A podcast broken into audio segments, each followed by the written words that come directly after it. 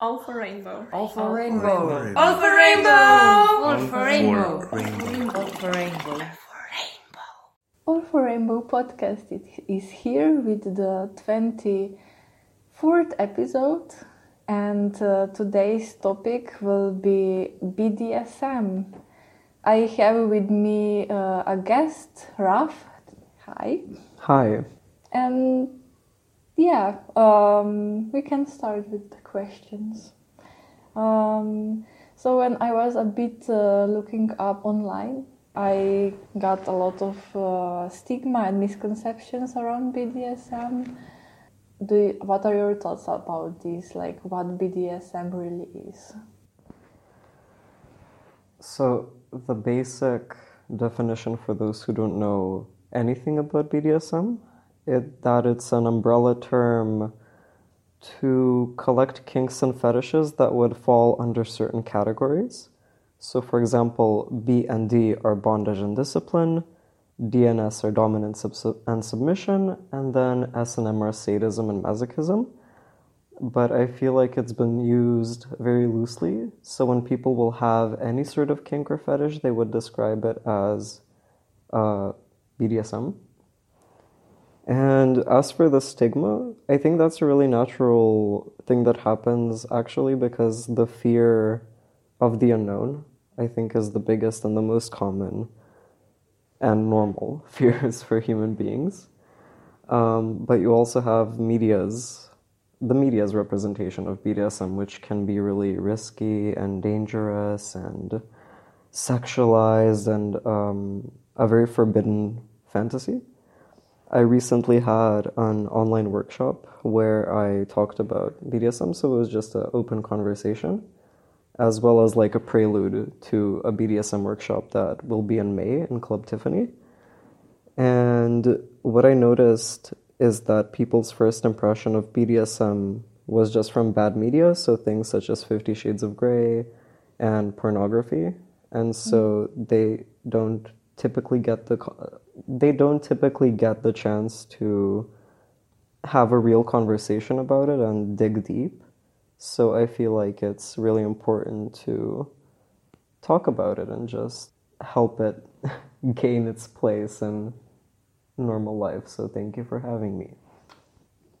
I like uh, for me, what I would first think of in BDSM is um, latex and uh, mm-hmm. Pain. yeah, that's a very real thing. And I think people get surprised when I personally tell them that I like BDSM, but then when I tell them that I don't like pain. And they get really confused by that, but not all BDSM has to involve pain. Mm. And typically, people think that if you're doing BDSM as a masochist, for example, that you're into the pure feeling of pain. But there's something called a contrapolar feeling, where by experiencing pain, it actually turns into pleasure.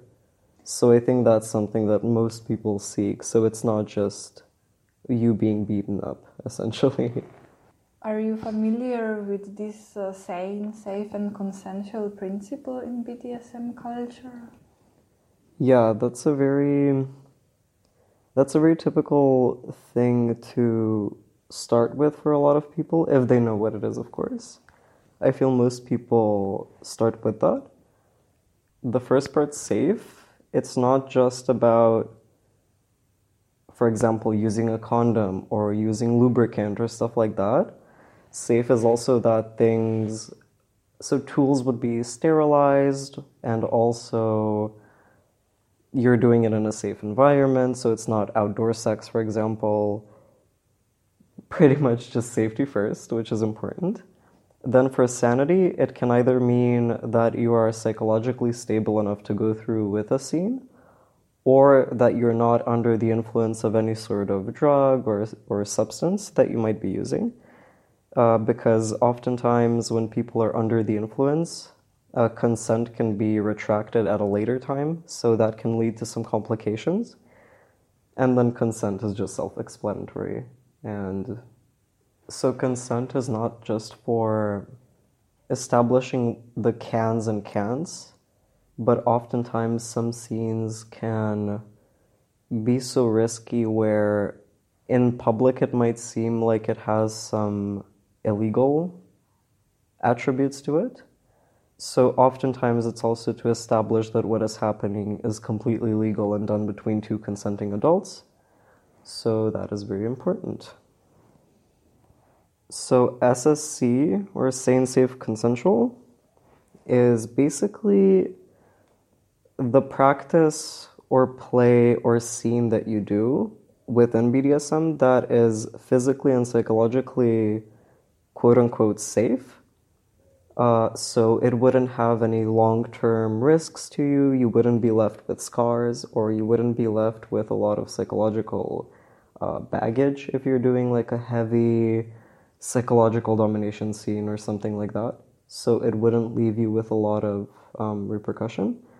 Um, but also the way people also use SSC is to sort of set rules and boundaries in a scene that would not be seen as ethical or moral.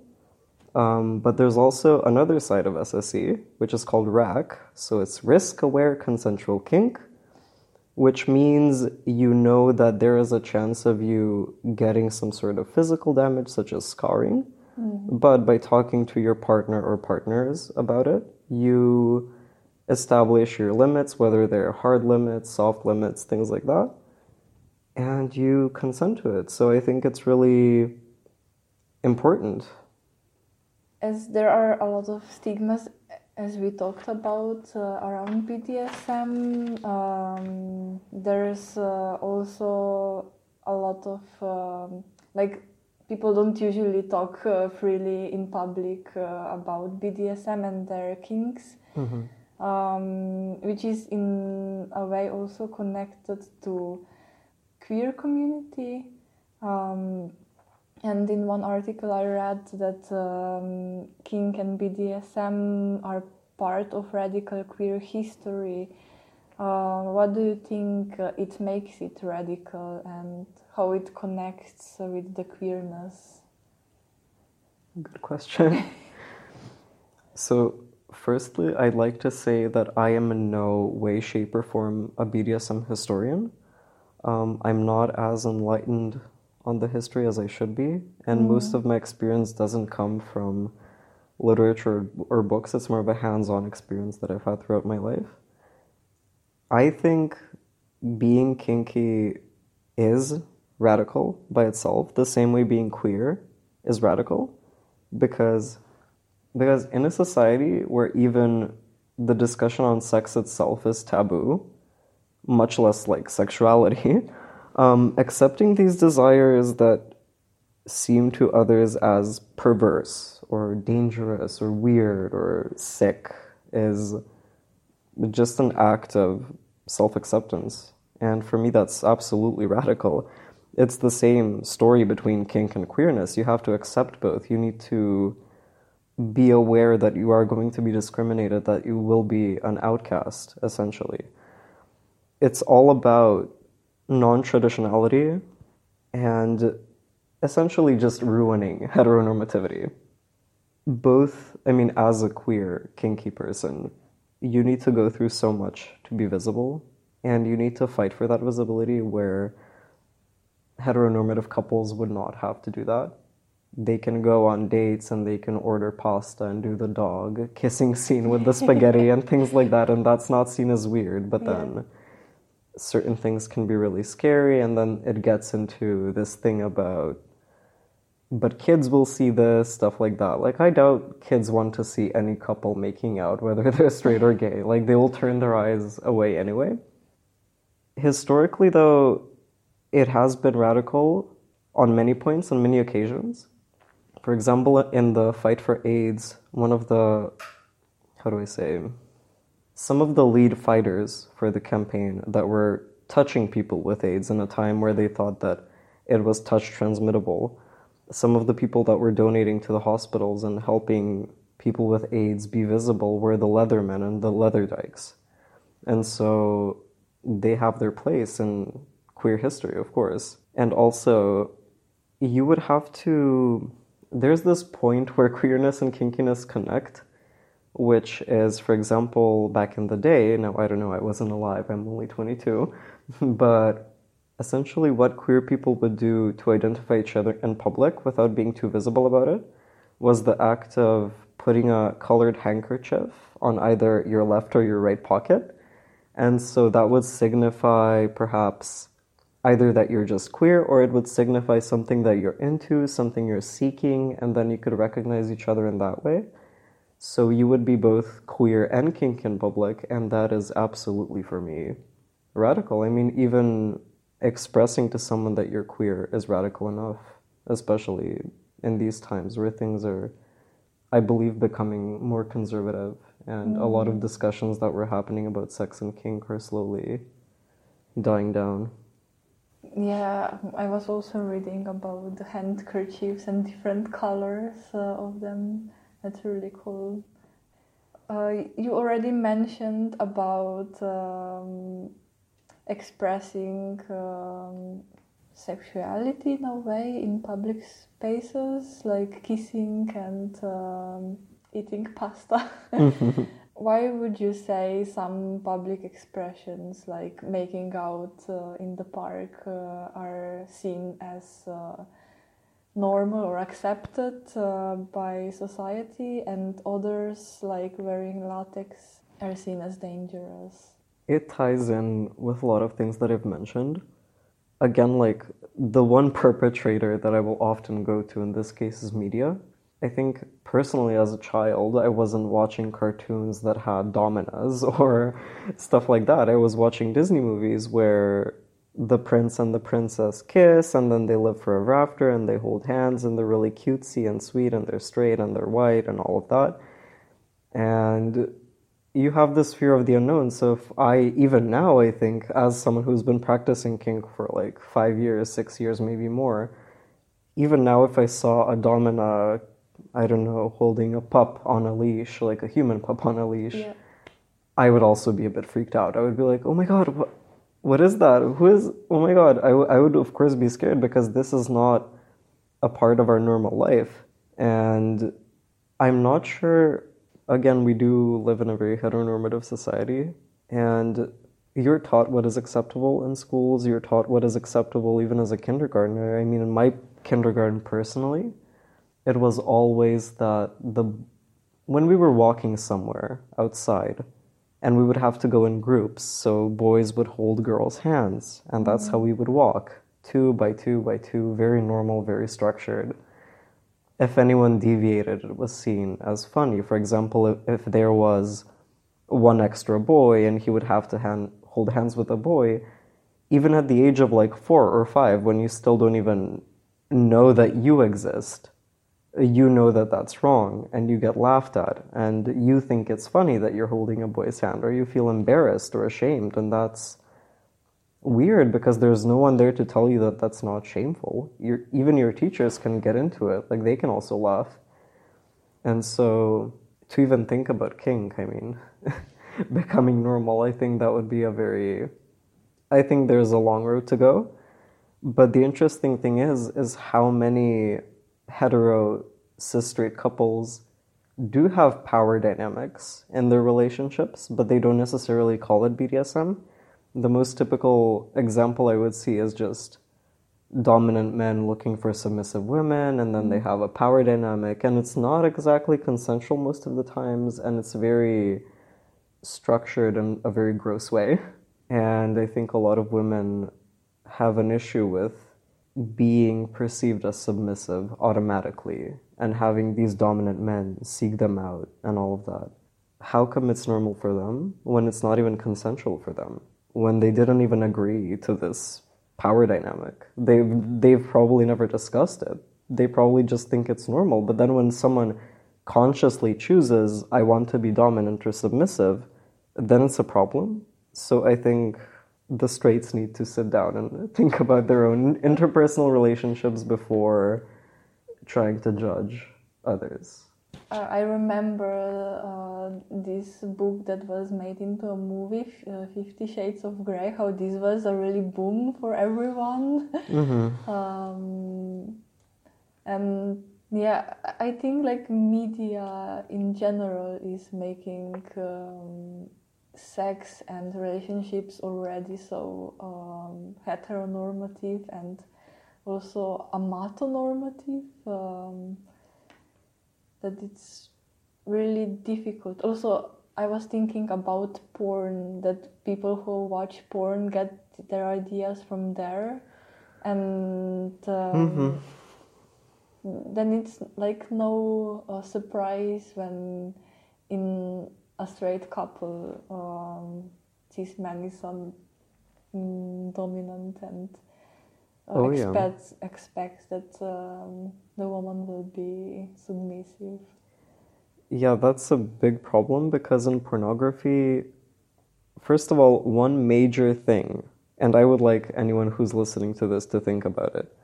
Have you ever seen porn where they show consent, or when they show lube, or when they show the putting on the condom in a non sexual way, by the way? Not like she's using her mouth or something like that, but actually, they don't show that in porn. Porn itself is very flawed, and one of the reasons that I want to talk about BDSM openly because me as a young person who got into watching BDSM porn, I wasn't seeing negotiation and consent and safety and sterilization and all of that important stuff.